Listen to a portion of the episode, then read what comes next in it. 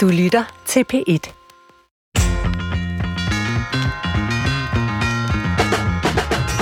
Det er virkelig ikke altid sjovt at gå på arbejde, men øh, det siger mange ledere, at det skal være. Vi skal partout være glade og humoristiske, når vi arbejder, og det efterspørges også i mange af vores jobannoncer. Du godeste, siger jeg bare. Lad mig være i fred, så skal jeg nok selv bestemme, hvilket humør jeg har, når jeg laver mit arbejde. Eller hvad? For måske er det vigtigt, at vi er nogenlunde glade og positive i de fleste af de mange timer, vi bruger på arbejdet. Er det ikke rimeligt nok?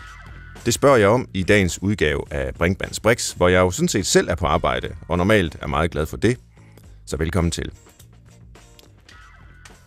Vi skal finde arbejdsglæden i dag, så øh, lad mig begynde med at spørge dig til retlægger. Christoffer, hej det højre. Hvad er dit mål med at gå på arbejde?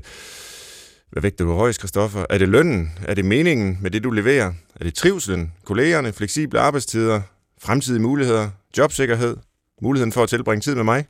hvad siger du? Åh, oh, nu ved jeg godt, hvad jeg skal svare. Jeg nej, det, nej, nej, du vælger Ej, men selv. jeg synes faktisk, det afhænger af meget, og det skifter endda, vil jeg sige. Nu har jeg været på arbejdsmarkedet i fem år, og da jeg var nyuddannet, var det bare at få et job. Så var Ja. det sådan set lige meget, hvad de satte mig til, stort set, og hvor længe jeg skulle sidde der. Øh, undervejs øh, lærer man at stille lidt flere krav øh, til, hvad man bliver udsat for. Men jeg vil faktisk sige stadigvæk, selvom det måske er lidt øh, modsat det, vi skal snakke om i dag, hvis lønnen er god, så tror jeg faktisk, jeg vil finde mig i ret meget lort. Ja, okay. Øh, fordi det, det tror jeg, og det, nu det kan være, at jeg bliver modvist undervejs, at det, det er måske alligevel det, jeg vil sætte højst, hvis jeg skulle. Men hvorfor er du så blevet journalist, Christoffer? Altså Jamen, ikke fordi fordi- lønnen er dårlig nødvendigvis, men altså der er jobs, du ville kunne have fået, tror jeg, hvor du kunne tjene mere. Jamen okay, men jeg, det er ikke sådan på en skala, at det bare mere er bedre. Jeg synes, Okay. jeg, det, journalist er et fint, øh, nogenlunde vellønnet job, Ja. ja. men øh, ej, det var, nu har jeg også skåret lidt hårdt op, fordi der er helt sikkert andre ting, der også er væsentlige, men Svend, hvis vi lige zoomer ind på dit arbejde og din arbejdsplads og trivslen, hvordan går det så på øh, Aalborg Universitet? Altså, jeg synes, jeg trives med mit øh, job, hvis vi tager udgangspunkt i mig først. Mm. Øh, jeg har stor frihed, øh, for eksempel også til at lave det her. Øh, jeg har mulighed for faglig fordybelse, jeg har nogle dygtige studerende, og øh, er glad for at samarbejde med mine kolleger, men øh, det er gået lidt ned ad bakke med trivselen generelt, og det er det jo i mange sådan, offentlige institutioner, statslige, kommunale. Universitetet er jo en del af staten. Øhm, og jeg tror også, det er på Aalborg Universitet, uden jeg sådan har snuden helt ned i de nyeste øh, tal. Øh, måske i forlængelse af den her sådan lidt... Øh, nu kan det godt være, jeg siger noget, der er lidt spekulativt, men altså den, hele den her New Public Management-gørelse af universitetet, hvor vi skal måles og vejes, og alt, hvad vi har af output, skal registreres øh, og så videre. Det, hvis jeg skal finde øh, noget malurt i bæret, eller drøbe lidt malurt i bæret, så, mm. så skulle det være det. Det, det irriterer faktisk mig, og, øh, og forringer min arbejdsglæde en lille smule. Okay, og øhm, jeg har faktisk et, nogle spørgsmål fra det sådan, Nationale Forskningscenter for Arbejdsmiljøs øh, spørgeskema om det her med mental trivsel på arbejdspladsen. Den ene gæst har endda været med til at øh, udfærdige den. Så nu får du altså lige nogle spørgsmål, Svend, og du skal svare i meget høj grad, i høj grad, delvist, i lav grad eller i meget lav grad. Er Okay. du klar? Ja, Så tester vi lige, hvor du egentlig er hen på trivselsskalaen. ja. Er dine arbejdsopgaver meningsfulde? ja, det synes jeg, de er i meget høj grad. Er du og dine kolleger, kolleger enige om, hvad der er det vigtigste i jeres arbejdsopgaver? Der vil jeg sige i høj grad. Der er jo selvfølgelig lidt øh, uenighed om, er det forskning eller er det undervisning og, og så videre, men lad os sige i høj grad. Hvor ofte sker det, at du ikke når dine arbejdsopgaver? Det sker i lav grad. Er du er flittig? Det er godt, Svend. Ja, det er, og som vidtighedsfuld, synes jeg selv, jeg er. Øhm, ved du, hvornår du har udført dit arbejde godt? Delvist. Kommer Der der- ender jeg nok i midten, fordi øh, altså nu har jeg også jo sådan en, en, en, en ledende position. Jeg er jo professor og har ansvar for forskningsgrupper og den slags, og der er det jo ikke altid, man sådan får at vide, nu er det godt nok. Altså det er sådan lidt op til en selv at, at finde ud af, har man nu udgivet nok videnskabelige artikler, øh, har man nu fundet nogle resultater, som er interessante. Altså det er ikke sådan helt entydigt, om, om, om, om det er godt nok eller ej, sådan set. Skal du gøre ting i dit arbejde, som du føler burde gøres anderledes?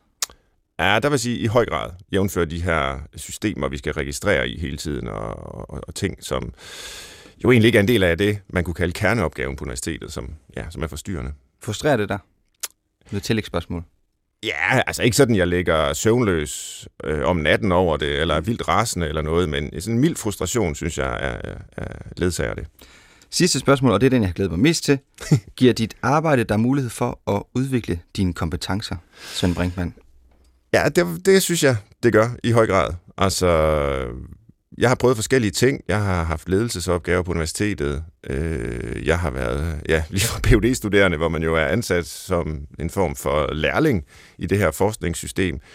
Jeg har forsket mange forskellige ting. Øh, så både fagligt og, og personligt synes jeg egentlig, jeg har udviklet mine kompetencer, som det jo hedder med det sprog her. Hold da op, det lyder nærmest som mus-samtale. Jamen, gik det ikke meget godt? Jo, det synes jeg var flot. Okay, men, okay det var nogle spørgsmål, der er, det er jo meget større, det her spørgeskema, og avanceret. Men øh, jeg spurgte, at de øst og vest havde valgt nogen ud.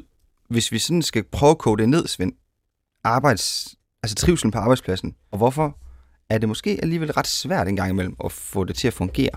Altså, det er jo svært, fordi øh, vi er forskellige som mennesker. Vi har forskellige syn på, hvad vi gerne vil have ud af arbejdet. Du afslørede før, at du er i høj grad motiveret af en god løn. Øh, det er de fleste mennesker i et eller andet omfang, men der er også øh, nogen, der er motiveret af mange andre ting. Det tror jeg sådan set også, du er, Kristoffer, det er ikke det.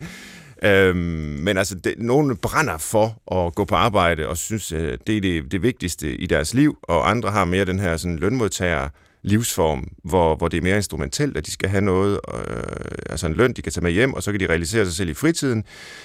Øhm, altså det er jo, tror jeg, noget af det, der gør, at det nogle gange kan være øh, svært, fordi vi simpelthen jo skal samarbejde sådan, i, i moderne organisationer, øh, men man kan have ret forskellige syn på, hvad, hvad arbejdet egentlig er, og hvad det bør fylde. Øh, og så er der jo hele det her med, altså det nævnte jeg også med universiteterne, der øh, kommet en universitetslov, der har gjort det meget mere sådan kommercielle, øh, New Public Management, den slags. Øh, altså forandringshastigheden er bare enormt høj øh, rigtig mange steder, både offentligt og privat. Og det tror jeg også kan måske gøre det vanskeligt for nogen, der er lidt mere øh, til et trygt og sikkert arbejdsliv og, og, og være glad for at gå på arbejde.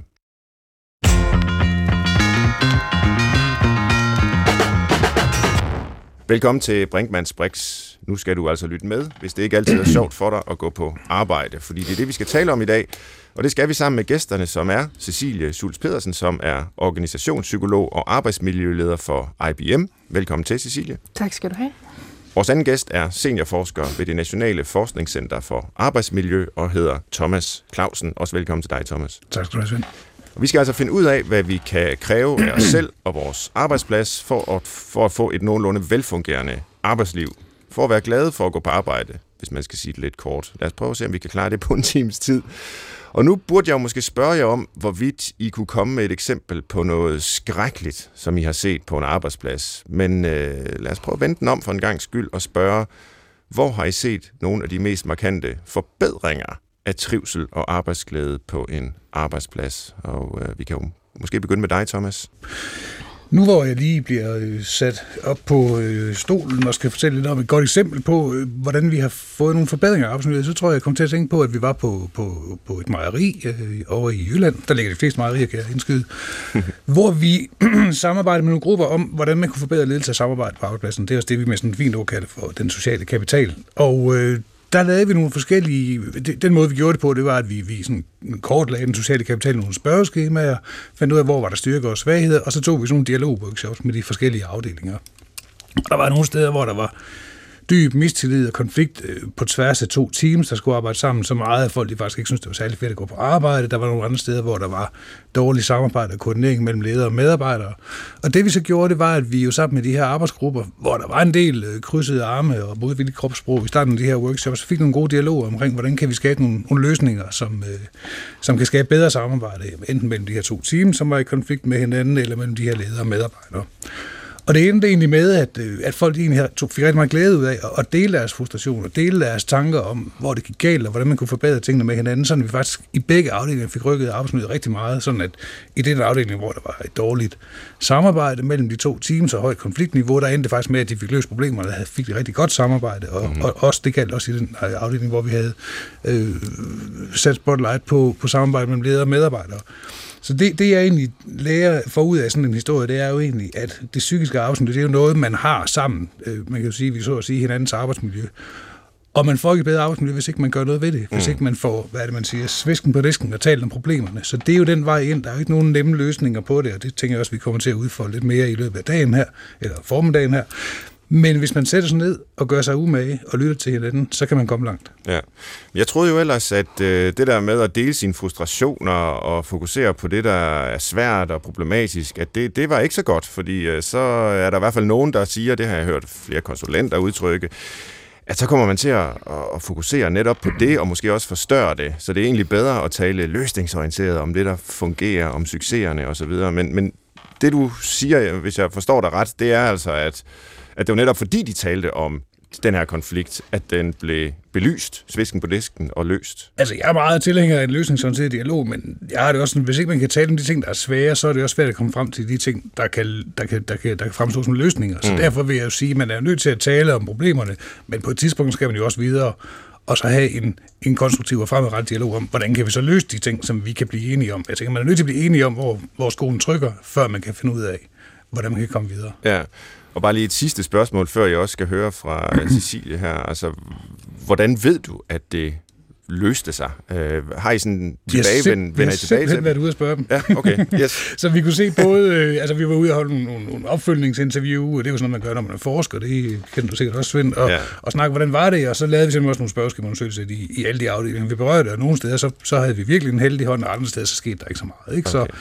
Så, øhm, og, og det, er jo, det er jo så sådan, vi, vi er ude og, og stikke fingrene i jorden, ikke? Også, og det var jo fedt at se folk øh, sige, det her, det var virkelig godt at I kom. Det andre kunne sikkert have gjort det lige så godt, men det var så lige også der kom forbi den dag, ikke? og det var rigtig fint og sådan noget. Ikke? Så det fortæller mig, at, øh, at når man har et arbejdsmiljø, så skal man jo passe rigtig godt på det. Mm. Og hvis det ikke er godt, så må man hellere gøre noget ved det, fordi vi kan jo også se, og det håber jeg også, vi kommer ind på senere hen, og sige, at hvis man har et dårligt psykisk arbejdsmiljø, eller et dårligt psykosocialt arbejdsmiljø, som vi kalder det i forskningen, så er det faktisk noget, der har betydning både for, for helbred og trivsel, både på kort og på lang sigt. Tak for den gode historie. Øh, har du også sådan en, Cecilie, altså markante forbedringer af trivselen? Er det noget, du har jagtet et sted? Ja, det har jeg. Altså, og det har jeg, øhm, det har jeg sådan på flere områder, fordi nu, nu arbejder jeg struktureret i IBM med at monitorere trivselen. Men noget af det, der sådan virkelig øh, står ud, og det er svært ikke at sådan se lighederne med Thomas' eksempel der, men det var, det var en øh, meget dysfunktionel gruppe, hvor det, hvor det virkelig blev sådan forstærket, da de så blev hjemsendt med, mm. med corona. Der kom lederen til mig og var sådan, altså, hvad kan jeg gøre? Fordi det her, det, øh, altså, vi, vi hverken leverer, folk er kede af det, der er nogen, der er vrede, og, øhm, og der, der var det så, altså egentlig uden, at, at jeg deltog, men så fik jeg sådan talt lederen ind i, jamen, hvordan, hvordan kan du have nogle samtaler med den her gruppe omkring lige netop frustrationerne, lige netop, hvad er det, hvad er det corona har gjort? Og, og, og jeg tror egentlig, at det, der skete i den her sammenhæng, var, at gruppen ligesom fik sådan en fælles fjende, som var hjemsendelsen, som var corona, og de fik, de fik, de fik lov til at dele nogle frustrationer, som ikke handlede om, om hinanden. Og så lige så stille, så blev de faktisk trygge ved os at dele noget af det, der var frustrerende i gruppen. Så lige så stille, så blev der faktisk løsnet op for, øh, for en del af de her konflikter og frustrationer. Øh, som, som lederen sådan sagde, at han, han kunne slet ikke altså, genkende gruppen mm. bagefter. Da de sådan vendte tilbage, var de glade for at se hinanden, og hvor det havde ikke rigtigt. Der var de mere sådan neutrale over for hinanden før corona, hvor det så rigtig blev forstærket og, og skidt. Og, ja, ja. Der lyder det jo igen, som om det simpelthen er det øh, gode gammeldags husmorråd at få en god snak om det. Øh, men det havde du så med lederen, og, og det lyder som om, at det ligesom blev, øh, blev bredt ud på, på arbejdspladsen. Ja, Ja, og det var egentlig for, fordi jeg har, jeg har i andre tilfælde, når der også har været et højt konfliktniveau, ligesom trådt ind, og, og, men så er det sådan, så kommer jeg ind som den udefrakommende, ja. og det er ligesom også at fortælle gruppen, der er noget galt med jer. Så her, der prøvede, der prøvede vi så, fordi det var lederen frisk på, altså vi prøvede det her med, at, at, at gruppen ikke nødvendigvis fik at vide, der var noget galt med dem, men mere bare, at de fik lov til at, øh, at dele, hvad, hvad, hvad der sådan frustrerede dem ja. både i dagligdagslivet, men så stille og roligt også på arbejdet, og det fik sådan løsnet op for, for en del af, af de dysfunktioner, der, der egentlig var i teamet. Har du også, Cecilie, et eksempel på et virkelig dårligt arbejdsmiljø, altså som ikke er blevet forbedret, men øh, jamen, hvor det er gået helt galt? Er. er det noget, du vil fortælle om? du, skal jo nok ikke uh, nej, nej. ligesom afsløre konkrete personer eller konflikter eller noget, men, men, men, men kan du tale mere og måske almindeligt om det, så, hvad, ja. hvad, hvad det er, der, der sker? Altså, altså jeg synes, noget, noget af det, der sker, når, når det ikke bliver bedre, og, øh, og nu kommer jeg virkelig til at pege pilen øh, mod lederne, mm. men, øh, men det er, når gruppen egentlig godt ved, hvad der er på spil her. Hvorfor, hvorfor er det, at vi mistrives? Og der er det sjældent, at det egentlig nødvendigvis er relationerne i gruppen. Der er det måske mere nogle forhold, der gør sig gældende organisatorisk, eller måske lederens adfærd. Og, øh, og når det så rent faktisk, altså gruppen mobiliserer mod, kan vi kalde det, til at dele det her øh, med lederen, og det så bliver enten sådan faret væk, ikke lyttet til, ikke anerkendt, øhm, eller i værste fald, at der sådan bliver gjort en lille sådan hævnaktion fra lederen mm. omkring, nu adresserer I det her, og det, det skal I ikke komme og fortælle mig. Det, det, kan, det kan jeg sådan sige, det, det fremmer ikke det gode arbejdsmiljø. Mm. Det, det gør det bare ikke. Er det også din erfaring, Thomas, at det typisk er sådan en øh, ledelsesproblematik, når arbejdsmiljøet øh, er virkelig dårligt?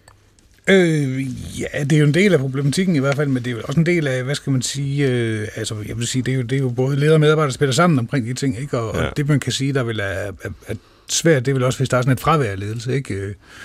Vi har også været ude på nogle arbejdspladser, hvor altså man skulle tænke sig, at folk går på arbejde, de får løn for det, og øh, er voksne mennesker, og så det, noget skulle man tænke sig, at folk de passer deres arbejde. Men der kan simpelthen ske det i sådan en gruppedynamikker, at, at der sker sådan en forsuring af relationerne i en arbejdsgruppe, sådan at folk de faktisk slet ikke vil hjælpe hinanden. Mm. Og det skulle man tænke, det var jo naturligt nok, at selvfølgelig gør det, vi er voksne mennesker, vi, vi får løn for at være her, men så, så det er jo sådan, der nu brugt øh, Cecilie ordet dysfunktionelt, og det er jo de her dysfunktionelle grupper, hvor der går så meget galt, og hvor man ikke får taget den der gode snak, som du nævner, Svend. Ikke? Øh, så derfor vil jeg sige, at, at der kan ske rigtig mange ting. Øh, I arbejdsmiljøet der kan ske rigtig mange, der er virkelig mange arbejdspladser, hvor der er et super godt arbejdsmiljø, hvor folk de, øh, trækker i samme retning og løser opgaverne i fællesskab, men der er også nogle, der det, hvor, hvor man har det modsatte hvor man næsten øh, mod, jeg ved, man modarbejder hinanden, men man gør i hvert fald ikke noget for at gøre hinanden gode, og det er jo i hvert fald en problematik, øh, en stor problematik, som man skal adressere. Ja. Så det kan jo også være fraværende ledelse, øh, som, som gør, at de her ting får lov til at udvikle sig i sådan en grad. Ikke? Jo. Øh, Thomas, kan du sige noget om, hvordan arbejdet egentlig generelt påvirker vores øh, trivsel, vores mentale sundhed? Og øh, jeg spørger også, fordi nu er vi lige ved, ved ledelsesrollen her, ja, ja, ja. og der ja. taler jeg tit med ledere, som siger, øh, når der er stress og sådan noget, og jamen det kan jo ofte skyldes problemer i folks øh, privatliv. Det er jo ikke sikkert, det har noget med arbejdet at gøre. Nej. Og det er som om, at de gerne vil ligesom flytte af dem over til nogle andre. Mm. Og så ved jeg fra undersøgelser, måske har I også lavet sådan nogen på, på, på det Nationale Center for Forskningsmiljø, eller Nationale ja, Forskningscenter for Arbejdsmiljø, ja, ja, ja. øh, at, at når man spørger folk om det, så svarer de jo faktisk, at arbejdet er den primære kilde til stress. Ja. Øh, det er sådan et meget generelt fund. Så hvor, hvor alvorligt er det egentlig? Altså, hvor, hvor, hvor, hvor meget bliver vores mentale sundhed påvirket af arbejdet? Ja, det bliver på, altså når vi, når vi stiller folk de her, vi har sådan helt pistolskud spørgsmål, kan man næsten kalde det om stress. Hvor ofte har der været stress inden for de sidste 14 dage, spørger folk, og så kan folk svare øh, det meste af tiden, eller hele tiden, det meste af tiden indtil aldrig. Og så følger vi op dem, der har svaret, at de i en eller anden grad har, udsat for, eller har oplevet stress, at så kan de sige, hvad er årsagen? Ikke? Og så vil jeg sige, 50 øh, procent cirka svarer det arbejde, 5% svarer privatliv, og de sidste 45% svarer arbejde og privatliv. Ikke? Så, så det, er jo, det er jo sådan, folk selv oplever det. Og jeg hører også nogle gange den der med, at det er fordi folk har for travlt i fritiden, de spiller godt tennis, har for mange børn og sådan noget, men, og det har de måske også, øh, det ved jeg ikke.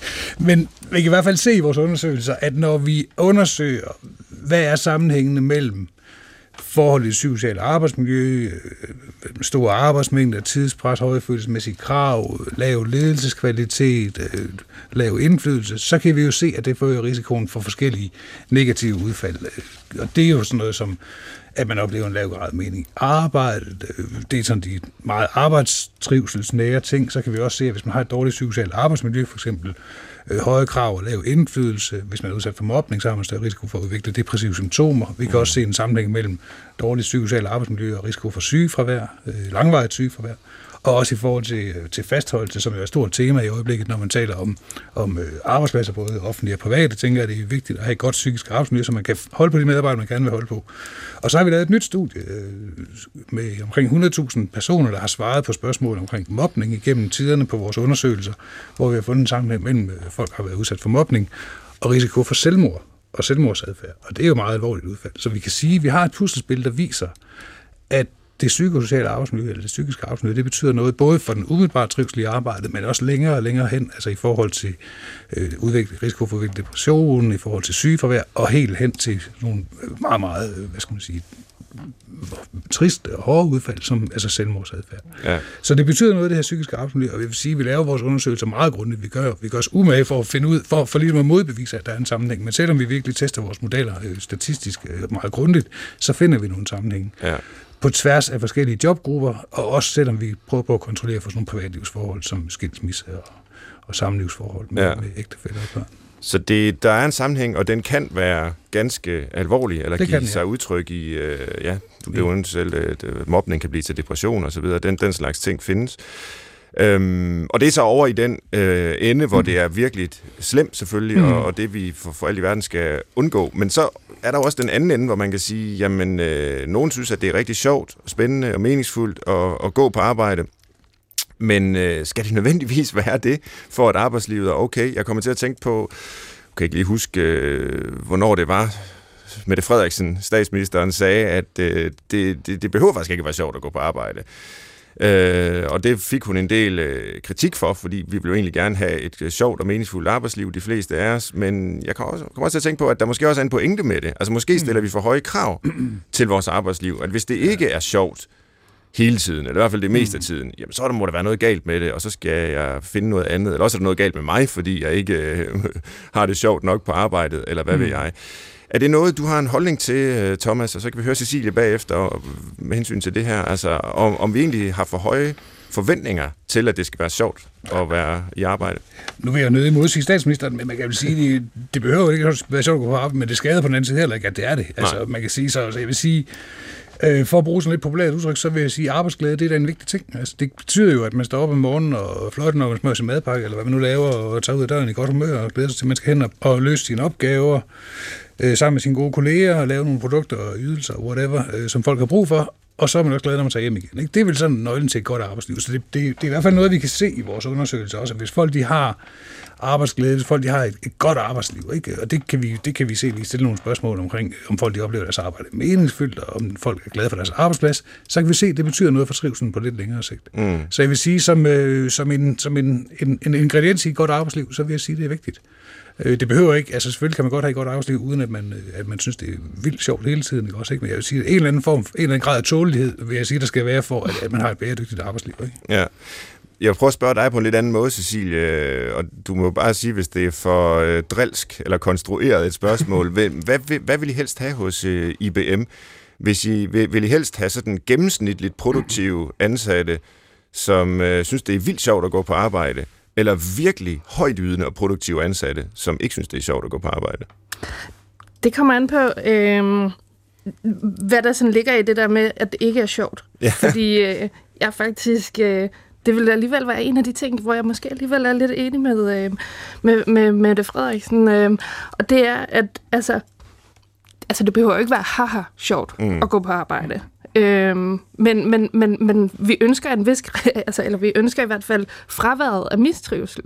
Mm. Øhm, ja. så, så, så jeg synes, at det er sådan et, det er et continuum, hvor at, at jeg abonnerer ikke på, at det skal være haha sjovt at gå på arbejde, fordi øhm, det kan det sagtens være, og det er jo virkelig rart de dage, hvor det er det.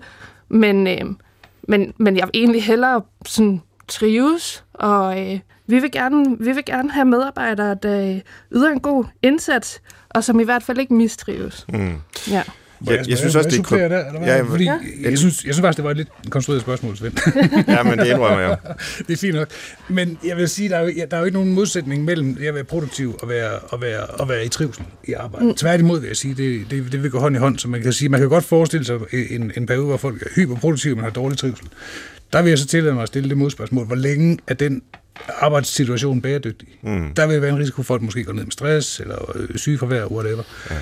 Og der vil jeg så sige, at, at der er nogle forskellige studier fra diverse lande. Øh, Holland lavede den der Happy Productive Worker thesis, som de testede øh, i nogle forskellige virksomheder, hvor de kunne se, at medarbejdere trives, de egentlig også på længere sigt var mere produktive. Øh, så der vil jeg sige, det her med, at hvis man trives og har det godt på sin arbejdsplads, så kan man jo også være, måske have mere overskud som kollega. Man hjælper hinanden, man gør hinanden gode, man får fælles tro på, at man kan løse opgaverne. Så det der med, at man trives, og at man er i samme båd, og løse opgaverne i fællesskab, vil jeg sige, det er jo en del af en god opgaveløsning. Ja. Så, øh, så, så det tænker jeg også er en vigtig del af det psykiske arbejdsmiljø, at man også tænker det ind i opgaveløsningen. Og det er jo rigtig svært at være uenig i, og heldigvis så øh, kender jeg også til undersøgelser, der viser, at det hænger sammen på den måde, du nævner mm. der, Thomas, altså en, en høj grad af trivsel og arbejdsglæde.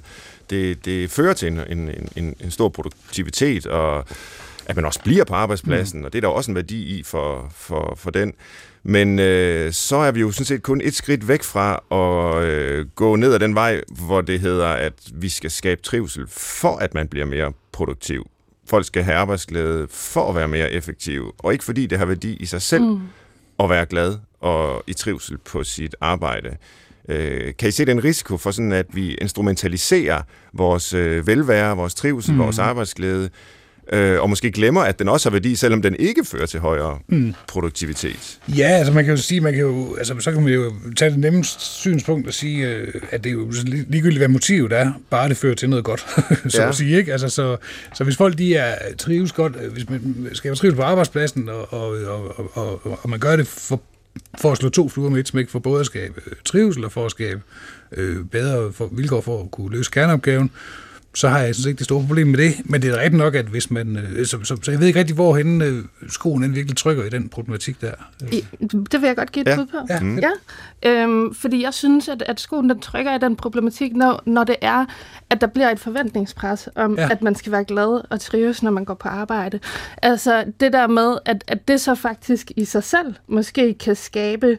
Øhm, ja, øhm, et, et vis form for pres, mm. og, øhm, og det der med, at, øh, at, at man ligesom enten ekskluderes af gruppen, hvis man ikke ja. kommer ind og har lige så meget armene op over hovedet mm. som resten af gruppen. Fordi, fordi at, at der ligger en enorm stor magt i at bede medarbejdere om at, øh, at være glade, eller ja, have den på, og, og så videre. Så, så, så, så der synes jeg faktisk, at der kan være en faldgruppe mm. i det. Men, øh, men det er selvfølgelig, når man tager det ekstreme. Ja. Det står jo faktisk i flere jobannoncer. Jeg har set begreber som, øh, at man skal være positiv. Den er måske lidt ukontroversiel. Men jeg har mm. også set begreber som humoristisk sans er noget, der efterspørges, altså som en personlig kompetence. Mm. Jeg har set en jobannonce, hvor der øh, stod, at der var glædespligt på den her øh, arbejdsplads. Altså, og så er vi jo i nærheden af det, du er inde på der, Cecilia. Altså, det ligesom bliver sådan nærmest påtvunget at øh, du er kun okay som ansat her, hvis du opfylder pligten til at være hmm. glad. Og øh, der er jo mange af os, der ikke vil kunne gøre det mandag morgen. Ja, det er, eller tirsdag. Ja. ah, men det, det er jo helt... Det, det, det, det, det, det, det, eksempel Cecilie kommer ind på her, det er jo fuldstændig enig i. Det, det, det, det, vil jo, det vil jo nok heller ikke føre til trivsel på den lange bane, at man skal gå high five og sige wow hele tiden. Altså, så, det, så det er jo sådan lidt sådan et absurd scenarie, tænker jeg næsten ikke, som Cecilie også siger. Ikke? Når jeg siger, at man skal skabe trivsel, så tænker jeg på at have et blik på arbejdsmiljøet. Ikke? Sikre sig, at... Øh, at arbejdsopgaven er rigelig, men ikke for rigelig. Sikre ja. sig, at, at der er krav, der er udfordrende og motiverende, men ikke, ikke, ikke overstiger de muligheder, man har for at løse dem. Sikre, der gør, hvad man kan for at sikre, at der er godt samarbejde mellem kolleger og ledere, sikre, at man har indflydelse på de ting, der man skal have indflydelse på, for at kunne løse opgaven. Så det er mere de ting, jeg tænker på, når ja. jeg tænker trivsel. Ja. Også at man synes, at der er styr på tingene, øh, og at man har nogle rammer, øh, som matcher de behov, man har for at kunne løse opgaven på en god måde. Ikke? Og, der, og, og kunne bruge sin faglighed. Og sådan noget, ikke? Det, det er mere det, jeg tænker på, når jeg siger, at det er vigtigt at have høje for trivsel. Ja. Og ikke mere, altså, ja-hat. nu, nu har I givet nogle eksempler fra vores øh, arbejdsliv, noget der fungerer, noget der ikke fungerer, hvorfor det eventuelt så ikke fungerer, når det ikke gør det, men øh, jeg kunne godt tænke mig lige også at høre, hvad I egentlig selv laver. Hvad er jeres øh, arbejde? Altså Thomas, du har nævnt, du forsker og givet eksempel på en undersøgelse, men hos øh, IBM, Cecilie, hvad er du egentlig beskæftiget med der? Jamen, øhm, altså jeg er det, hvad man vil kalde ledelsesrådgiver. Men, ja. men derudover, så faciliterer jeg også undervisning. Men altså, øh, hvis jeg sådan skal gøre det helt konkret, så, så holder jeg sådan fingeren øh, på pulsen, og det er både internt i organisationen, men også hvad der rører sig eksternt. Så, så for eksempel så er jeg en flittig bruger af NFA og deres publikationer, går hjem med og så Det er jeg videre. glad for at høre. Jamen, det, det er virkelig brugbart. og- Og nu, øh, nu tror jeg, det var DPQ øh, øh, spørgeskemaet, som Christoffer havde mm. anvendt der, men, men, men faktisk øh, altså internationalt i IBM bruger vi øh, Copenhagen Psychosocial Questionnaire øh, til, at, øh, til at afdække, hvordan øh, arbejdsmiljøet øh, øh, har det. Så, så, så, så jeg, jeg indsamler data både, både ja, altså ude i samfundet og, og for forskningsinstitutioner, og, øh, og så, så bruger jeg det så til at indsamle data i organisationen, og det er jo både kvantitative data, når vi bruger de her spørgeskemaer, men det er også altså, ved at tale med medarbejdere og ledere og forstå den organisatoriske øh, kontekst, så hvad, hvad sker der på hvilke forretningsområder, hvor er der forandringer, hvordan ser det, så det seneste kvartalsregnskab ud, og så, så prøver jeg sådan at stykke, stykke det her billede sammen til så og danne mig et indtryk af, jamen, hvordan, hvordan er arbejdsmiljøet på de forskellige områder. Og der, hvor der så er en risiko, og det er jo fordi, vi rigtig gerne vil arbejde forebyggende, så der, hvor der er en risiko for, for, for, for øget mistrivsel, og sådan, jamen, så, vil, så vil vi sådan, øh, have nogle samtaler med øh, især lederne, øh, men, men i det hele taget kigge på sådan ekstra godt på, okay, hvordan klarer den her gruppe sig? Skal vi gøre noget særligt øh, for den her gruppe?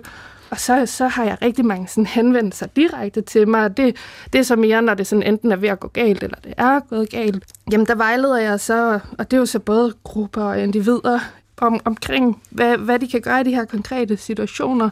Og der er, det jo, der er det jo rigtig vigtigt at have en viden omkring de her faktorer, mm. som kan have en positiv eller negativ indvirkning, sådan så man ikke giver den forkerte, den forkerte medicin til Ja. patienten, når man så kan sige.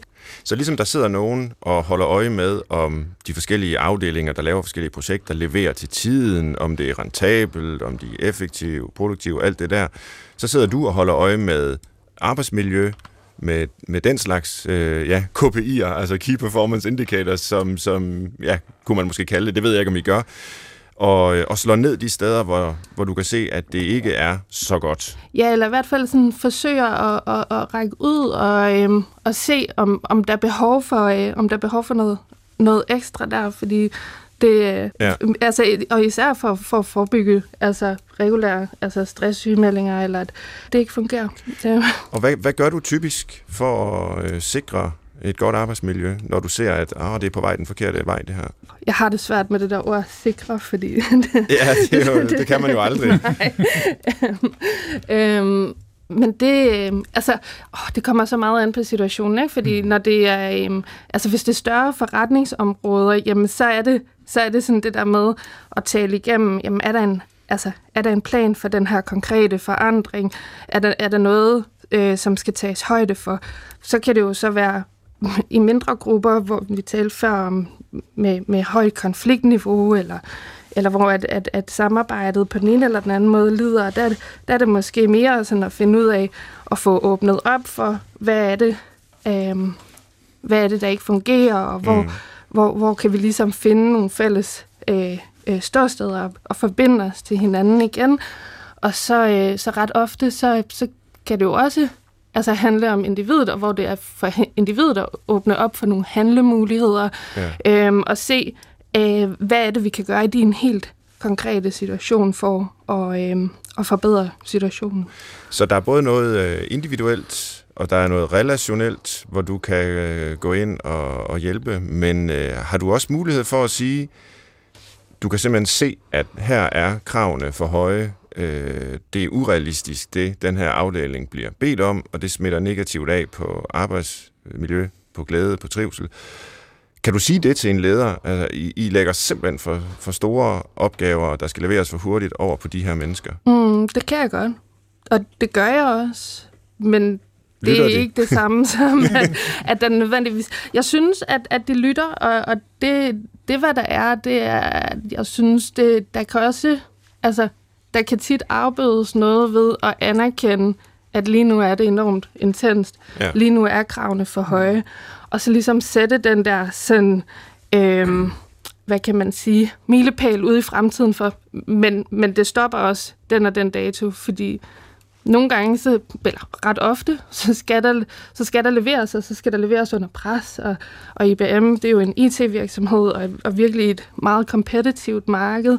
Så det der med bare at sige, hov, nej, nu, nu tror jeg, at I alle sammen lige skal trække i håndbremsen, det, øhm, det, vil, det vil sjældent være særlig konstruktivt, men, men, men det jeg så kan hjælpe med, det er det der med, jamen, hvor... Øh, hvordan, hvordan kan I anerkende, at det her det, det er intenst? Er der nogle knapper, der kan skrues på? Fordi nogle gange så er det jo ikke nødvendigvis lige at sætte ned for hastigheden på det der projekt, men så er der måske nogle andre krav, som kan fjernes i en periode. Ja. ja. Øhm, og så især det der med ja, anerkendelsen af, at det er intenst. Støtte hinanden socialt. Nogle gange tilføre nogle ressourcer, så det er ikke nødvendigvis at skrue ned for blusset, men så ser man, man kan tilføre nogle ressourcer, enten ja, i form af en konsulent i en kortere periode. Så, så, så der er sådan, altså der, jeg synes, der er en del knapper at skrue på, mere end bare at sige, om nu, nu trækker I håndbremsen. Det her, det, ja. det, det er for krævende.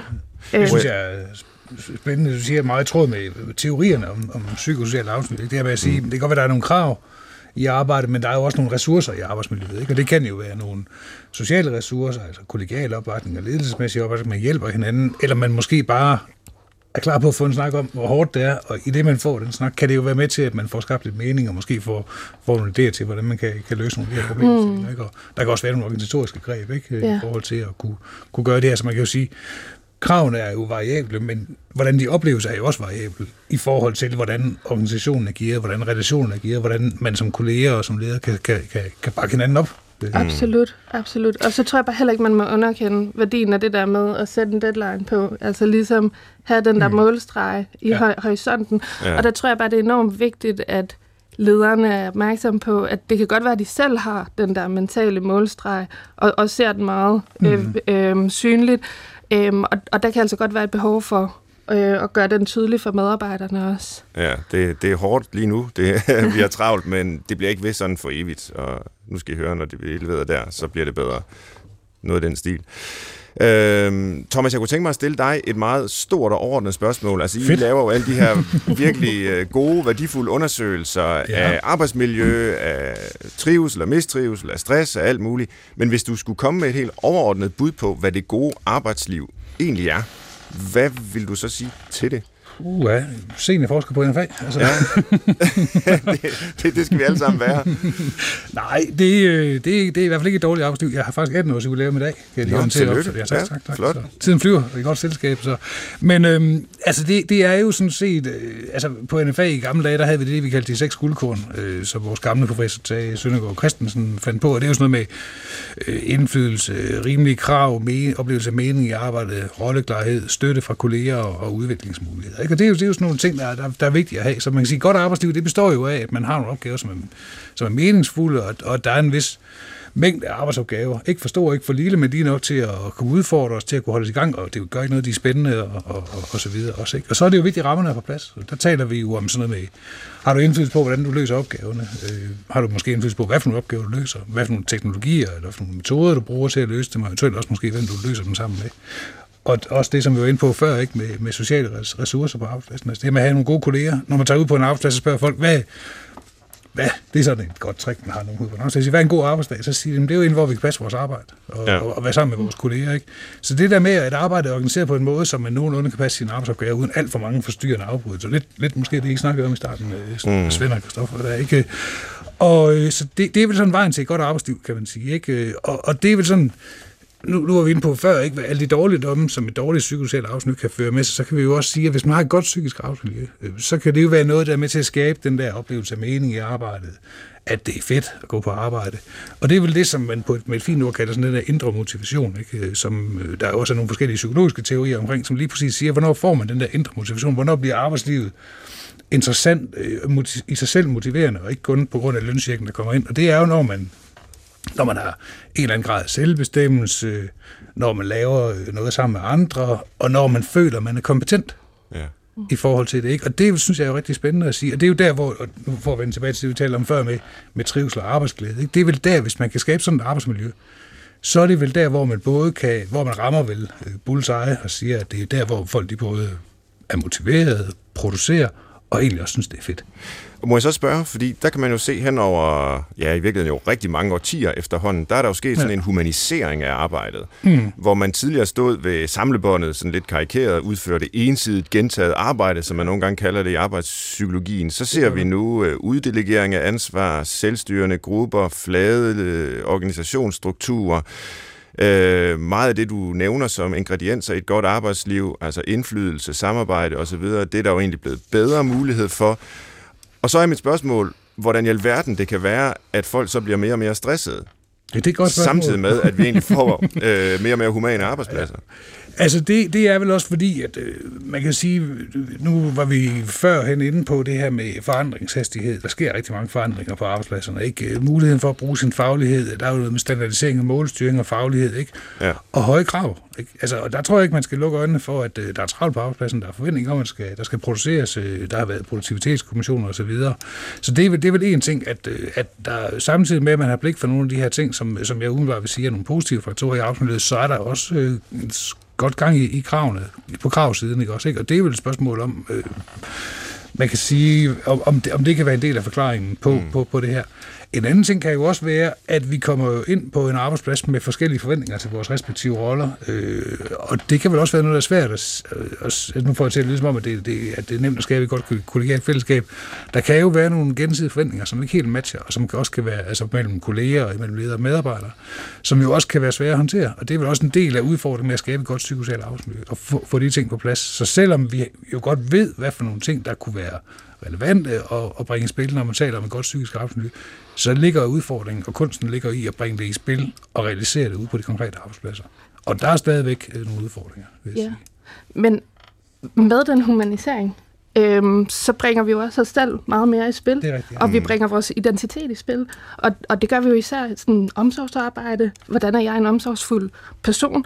Og så i vidensarbejdet, hvor vi bruger vores kognitive evner. Mm. Øhm, så, så når det går godt på arbejdet, når jeg har succes, så er det på grund af mig, fordi jeg er dygtig, øhm, øh, fordi jeg har nogle kompetencer og nogle evner. Og når det så ikke går godt, så er det vel også mig, det er galt med. Øhm, hvor at man måske mangler at have blik for lige netop ja, øhm, ønsket om øget øh, effektivitet, forandringshastigheden, alle de der faktorer, som, som spiller ind og kan forstyrre og, og, øh, og fratage dig muligheden for at få succes med ja, enten øh, den omsorg, du giver, eller, eller den viden, du bidrager med. Øhm, så det er jo også vores identitet, der er på spil, når vi går på arbejde. Så vi kommer til at hvad kan man sige, vende det mere indad, når det ikke er så godt at, at bebrejde os selv, fordi de her ydre forhold, de er sådan set blevet, ja, blevet fordi, udmærket. Ja, ja, fordi det, der, der skaber vores succes, kommer vi jo så nok også hurtigt til at sætte lighedstegn med, og så også det, der er skyld i vores fiaskoer. Mm. Ja. Det tror jeg er en vigtig pointe med individualisering, og, og at, man, at man sådan på at sige, øh, ja, altså, Måske i stedet for at også kigge ud af og sige, hvordan giver organisationen mig mulighed for at kunne løse min opgave. Måske vender det meget indad og siger, det var nok ikke godt nok mm. fra mig. Og, sådan noget, ikke? og det tænker jeg i hvert fald er rigtig svært, ikke? og det er jo også en del af et stærkt kollegialt fællesskab, og en god ledelse, det er jo også at kunne, kunne kommunikere med hinanden om at få den der forventningsafstilling om, hvordan løser vi opgaverne godt, og hvorfor er det okay at fejle engang. Ikke?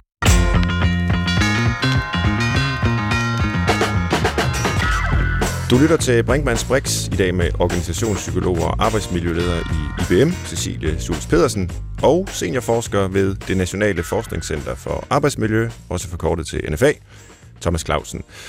Og så har vi jo selvfølgelig også tilretlægger Christoffer Heide Højer klar til at komme med et øh, måske lidt personligt indspark, eller hvad, Christoffer? Det fornemmer jeg på dig. Ja, Svend, fordi jeg vil gerne tale om de fysiske rammer, fordi jeg sidder på et storrumskontor og kan hver dag få nedtur over, at jeg bliver forstyrret, at jeg ikke kan få lov til at sidde for mig selv. Når man er journalist, har man mange telefonomkald. Der skal jeg altid finde et eller andet ubehjælp som hjørne at sidde i, så jeg ikke forstyrrer de andre, fordi jeg synes ikke, man kan tillade sig at sidde og snakke helt vildt højt. Øh, så jeg prøver at finde et sted, men det er ikke særlig godt sted, og jeg synes i det hele taget, det forringer min arbejdskvalitet. Så derfor har jeg længe været på udkig efter en forsker, der får kunne give mig ret. fordi sådan en journalist arbejder. Ja, fordi du har jo lært mig, Svend, at man skal jo i videnskaben ligesom, øh, ja, ikke bare komme med sin fordom, man skal faktisk finde ud af, om det forholder sig sådan. Ja. Øh, så selvom jeg er også lidt efter en, der gav mig ret, så, så, så, så må jeg så også helt til Sverige. Det cherry picking i videnskaben, ja, det der, Kristoffer. Men, men byt med det. Det er rigtig godt, det altså, ja. Han hedder Tobias Otterbring og arbejder øh, på universitetet i Agder, tror jeg det hedder i Norge. Han er ja. svensk, han er doktor i psykologi og professor i marketing. Og egentlig så forsker han slet ikke i storrumskontor, men en dag gik der rygter på universitetet om, at de skulle til at have det storrumskontor. Og hvis der er noget, det kunne jeg også forestille med dig, Svend, hvis du skulle til at sidde på sådan et, så, vil, altså, så går der panik i folk på et universitet, hvis I får at vide, at I skal sidde på storrumskontor. Så han gik til forskningen og begyndte at undersøge, hvad der, hvordan det så egentlig forholdt sig. Så lad os lige høre, hvad der han i første omgang fandt ud af. Många tror att det blir enklare och lättare att samarbeta och kommunicera med kollegor för man har dem ju betydligt närmare fysiskt i alla fall. Eh, dessvärre så visar ju den merparten av forskningen i alla fall att om någonting så verkar det vara tvärtom. Att ju fler vi sitter och samarbetar och arbetar med desto svårare blir det att ha en, en eh, funktionell kommunikation, en funktionell interaktion och i regel så kanske det blir till och med svårare att samarbeta på ett, ett gott sätt. Nu, jeg, jeg håber, man kan forstå det, men det han egentlig siger, det er, at på trods af, at man skulle synes, at det vill give mere mening at sidde tættere sammen med være mere socialt, så sker der faktisk ofte det modsatte. Men Tobias han stoppede ikke bare der, han sendte også øh, spørgeskema ud til en hel masse svenske ejendomsmalere, fordi han tænkte, ligesom jeg, at de må jo være udadvendte. De må elske at sidde sammen og have samtalerne hele tiden, og lige kunne spørge, hvad har du solgt det hus, og så videre. øhm, heller ikke de svenske ejendomsmalere var helt tosset med at sidde i storrumskontor. Så i våran studie och eh, en hel del andra studier har kommit fram till då att det här med storrumskontor, det kan vara kortsiktigt ekonomiskt lönsamt i alla fall. Man kan spara in pengar men eh, om man då tänker på att de här eventuella vinsterna som man gör när det kommer till sådana aspekter kanske inte riktigt balanseras av att eh, de som arbetar i storrumskontoren är mindre tillfreds på arbetet. De har en större grad av eh, psykmeldingar de har svårare att samarbeta och kommunicera med sina kollegor så kan ju eventuellt då de långsiktiga effekterna vara negativa för en organisation snarare än positiva. Så altså flere sygemeldinger, øh, mere utilfredse medarbejdere osv., så det, det var ikke øh, lykken for de svenske ejendomsmældere at sidde på storrumskontor. Og så er spørgsmålet så bare, er det bedre at sidde alene, og er det bedre at sidde mere alene? Altså skal vi bare isolere os, og så er det lykken? Og øh, det viser sig desværre, og der er det jo godt at være forsker, fordi de er lidt nuanceret, mere end jeg er i hvert fald, så der var ett, ett bedre svar för Tobias. Så, så jag tror definitivt det är viktigt att, att man ska ha en følelse på sin arbetsplats att, eh, att man enkelt kan komma i kontakt med andra individer. Så det är eh, någon slags mismatch mellan vad forskningen säger och hur beslutsfattare faktiskt eh, agerar i sina beslut. Som jag själv tycker är ganska intressant och, och lite kontraintuitivt många gånger. Der er et mismatch, som det hedder på svensk åbenbart, øh, mellem hvad forskningen siger, og så det vi gør ude på virksomhederne. Og det synes jeg jo er et dejligt godt, konkret forskningsarbejde, det her. Det er noget, jeg kan tage med til ledelsen og sige, det giver ikke nogen mening, vi skal sidde sådan her. Og det har jeg så ikke med på bånd her, men det sidste, den sidste pointe, Tobias har, det var, at øh, to forskere på Harvard University faktisk testede det her på en arbejdsplads, hvor folk sad på storbrugskontor, og folk sad på egen kontor. Og det interessante er, at den tid, man sidder ansigt til ansigt over for en og taler, faldt med 70 procent, når man sidder på stormonskontor. Mm. Selvom folk sidder for sig selv, så kigger de faktisk hinanden mere i øjnene, fordi man muligvis så går ud og rent faktisk har et spørgsmål. Det er helt vildt åndssvagt er, at man sender flere e-mails, når man sidder på storrumskontor, i stedet for at snakke sammen. så vi bliver faktisk mere digitale af at sidde i de der skønne miljøer, hvor man egentlig skulle være så dynamiske osv. Det var dejligt at komme af med det. nu, øh, jeg, hørte, jeg, jeg, jeg hørte i starten, der sagde Svend, at noget, der var fedt, det var ved, ved hans afsnit, det var sådan noget frihed, fordybelse af relationer. Det lyder som om, at ja. storrumskontor, det ikke er noget, der, der, der, bare, der, der, der understøtter den mulighed. I hvert fald. Nej, altså. det er ikke særlig godt, men øh, jamen, jeg bliver lige at spørge dig, Svend. Frygter du at sidde på storrumskontor? Øh, vi, vi flyttede for et par år siden, og, altså på universitetet, til nogle øh, andre lokaler inde i byen, i Aalborg, og der kom jeg til at dele kontor med en, øh, en god kollega, og det er helt uproblematisk. Det er jo ikke et storrumskontor. Øhm, det, det fungerer faktisk, faktisk godt. Ja, et, og det er faktisk også en Tobias' pointe. Hvis du sidder en til tre sammen, det er ja. bedre end at sidde i de der store miljøer, fordi Ja. det, det er trods alt godt at ikke være helt isoleret. Ja. Øhm, nu Jeg ved, så- der, ja, der er faktisk nogle af mine kolleger, ikke lige der øh, i de øh, kan sige, afdelinger, jeg færdes, men andre steder på universitetet, som selv har ønsket at sidde i, i større miljøer og storrumskontorer. Jeg ved så ikke, hvordan det går, men øh, jeg kunne ikke tænke mig det. Nej. Øh, det jeg, jeg er helt på linje med både dig og, og Tobias der. Men det er jo så ikke første gang, kan man sige, at forskningen har en entydig meddelelse til offentligheden, som ikke bliver fuldt. Nej, øh, det ser vi jo relativt mange gange, at, øh, at både politikere og almindelige borgere er lidt ligeglade med, hvad videnskaben fortæller. Ja, og egentlig så vil jeg bare summe det hele ned til et enkelt spørgsmål til vores gæster. Det er det her med, nu vi har meget fokus på det psykiske og det mentale, men hvordan vi sidder, det fysiske, hvad, hvad betyder egentlig det? Øh, lad os begynde med dig, øh, Cecilie, hos IBM. Hvordan ordner I det? I har 300.000 medarbejdere, der sidder på tværs af landegrænser og alt muligt. Ja, ja. Jamen, det betyder enormt meget. Og det er jo faktisk også, altså når man laver sådan en samlet arbejdspladsvurdering, så, øh, så vurderer man jo også det fysiske arbejdsmiljø, så også i relation til den øh, mentale trivsel. Øh, fordi det har bestemt en påvirkning. Og øh, hvordan det håndteres globalt, vi, vi har faktisk, altså vi har selvfølgelig en kæmpe afdeling for, øh, for real estate, som vi så rådgiver fra, øh, fra, fra min gruppe, øh, omkring det her. Og det, øh, det, som vi arbejder hen imod, er de her sådan, aktivitetsbaserede øh, kontormiljøer. Og der, øh, der slagter man nogle hellikøer, fordi der, der øh, gør man op med det her med at have en fast plads. Det er der rigtig mange, der sætter pris på. Mm. Øhm, at de lige kan stille et billede op, eller en snekhule, øhm, eller andet, øh, og hygge omkring det. Men, men til gengæld, så har man så fleksibiliteten i, at jamen, når, når du bare lige hurtigt skal sætte dig ned og svare på en mail mellem to møder, så er der sådan et ret åbent øh, miljø, du kan gøre det i, som, øh, som ikke sådan stiller, det, altså hvor der ikke stilles de store krav til koncentration og så videre. Og så er der så miljøer, hvor at der er absolut stillhed. Der er øh, det, der kaldes farm tables, hvor man sådan kan mødes omkring det, og man kan trække et gardin for, hvis det så er hemmeligt, så er det sådan helt, helt øh, øh, stille. Så, s- så, så vi arbejder rigtig meget med øh, at fi, altså finde øh, de her fysiske miljøer, der kan, der kan understøtte altså både produktivitet og trivsel. Men, øh, men tro mig, nu, øh, nu har vi planer om at øh, få en ny lokation her i, øh, i Danmark, og det er i den grad noget, der kan sætte store diskussioner i gang. Øhm, og både det her med, ja, øhm, at få frataget sin individuelle plads, men, øh, men også, hvordan skal fordelingen være imellem de her miljøer? Der er mange holdninger til det. Mm. Det er, det, der sidder flere som mig derude, kan jeg høre. Det er dejligt. Hvad, hvad siger du, Thomas? Jeg har, jeg har, jeg har altid siddet alene. Og jeg har trives Du har været her i 18 år.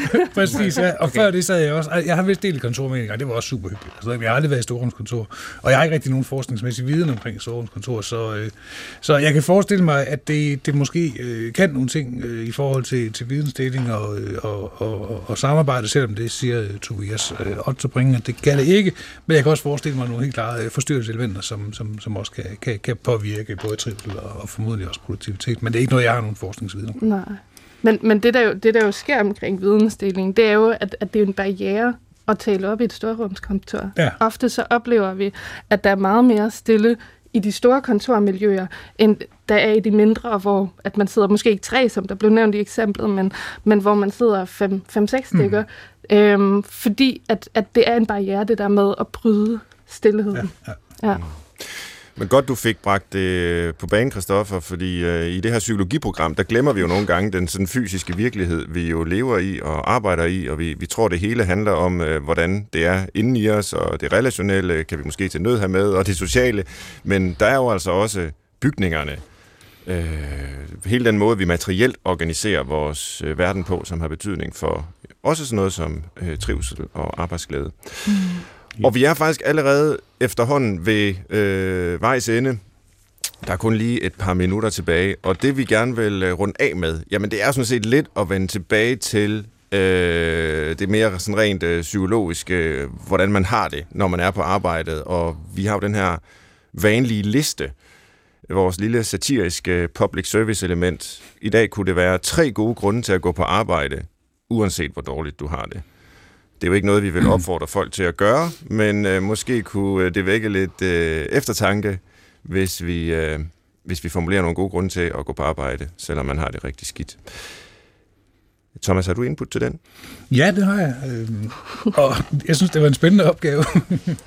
øh, jeg vil sige, den, hvis, man, hvis du grunden til, at, man, at, man, at man, man har det dårligt, det er noget smitsomt, så kan man jo smitte alle de andre. Så det er jo en god grund til, at, og måske også kunderne og patienterne og noget. Ikke? Så, Så man så flere det i samme båd. Ja, præcis. Det er jo altid ikke? godt. Ja. Så det er jo en, øh, det er jo lidt, us- lidt, lidt, lidt, lidt sjovt det her. Altså, den anden, det kan være, øh, så kan man måske også være sikker på, at man får en endnu længere sygemelding, når man så endelig øh, melder sig syg, så det er måske en grund til ikke at gøre det, kan man sige. Og så er det den lidt mere seriøse ende, så er der nogle steder, hvor man jo er sådan lidt afhængig af hinanden for at kunne løse opgaven, altså i, i hjemmeplejen og på plejehjem for eksempel, har jeg hørt det før, at det der, det, der kan være svært at håndtere, det er de der pletvise sygemeldinger, hvor man måske ikke lige kan få kaldt en vikar ind.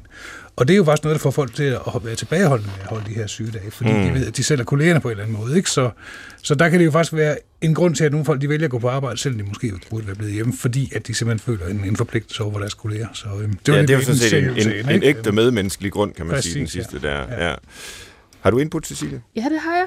Altså, den nationale sundhedsprofil, den viser jo, at du faktisk har det værre, hvis du står uden for arbejdsmarkedet. Ja, så det er en rigtig god grund til at, det er de til at blive. Ja. Så lidt i tråd med Thomas, så, øh, så havde jeg også det bud, at hvis, hvis du gerne vil tidligere på pension, så synes jeg også bare, at du skal blive ved med at give den gas, selvom at, øh, at du har det rigtig dårligt. Og, øh, og det er jo også en måde at teste på, hvor, hvor, hvad, hvor meget ens krop egentlig kan holde til, så det kan man også få en indikation på samtidig. Så det må være min bud. Jamen, ja, det, det er også øh, rigtig gode, dårlige bud, øh, om jeg så må sige. Tak for budene begge to, og tak, fordi I var med her i dag. Du har lyttet til Brinkmanns Brix, hvor jeg jo altså talte med organisationspsykolog og arbejdsmiljøleder i IBM, Cecilie Schulz Pedersen, og seniorforsker ved det Nationale Forskningscenter for Arbejdsmiljø, NFA, Thomas Clausen. Holdet bag Brinkmanns Brix, som også er tilrettelægger Christoffer Heide Højer, for uden mig selv, Svend Brinkmann, siger tak for i dag. Lyt endelig til mange flere udsendelser om arbejdslivet i vores app DR Lyd. Vi er tilbage om en uge. Jeg håber, vi høres ved.